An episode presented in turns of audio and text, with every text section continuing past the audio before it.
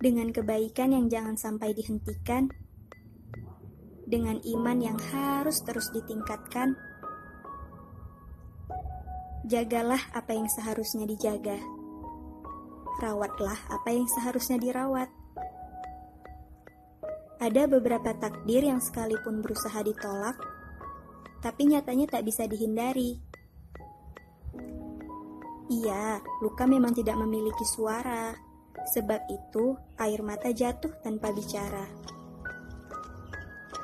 Rasa itu begitu luas, dan hanya jika menyatakan supaya bisa memiliki serta menggenggam, mungkin rasa itu akan berubah. Sebab selamanya hanyalah sementara.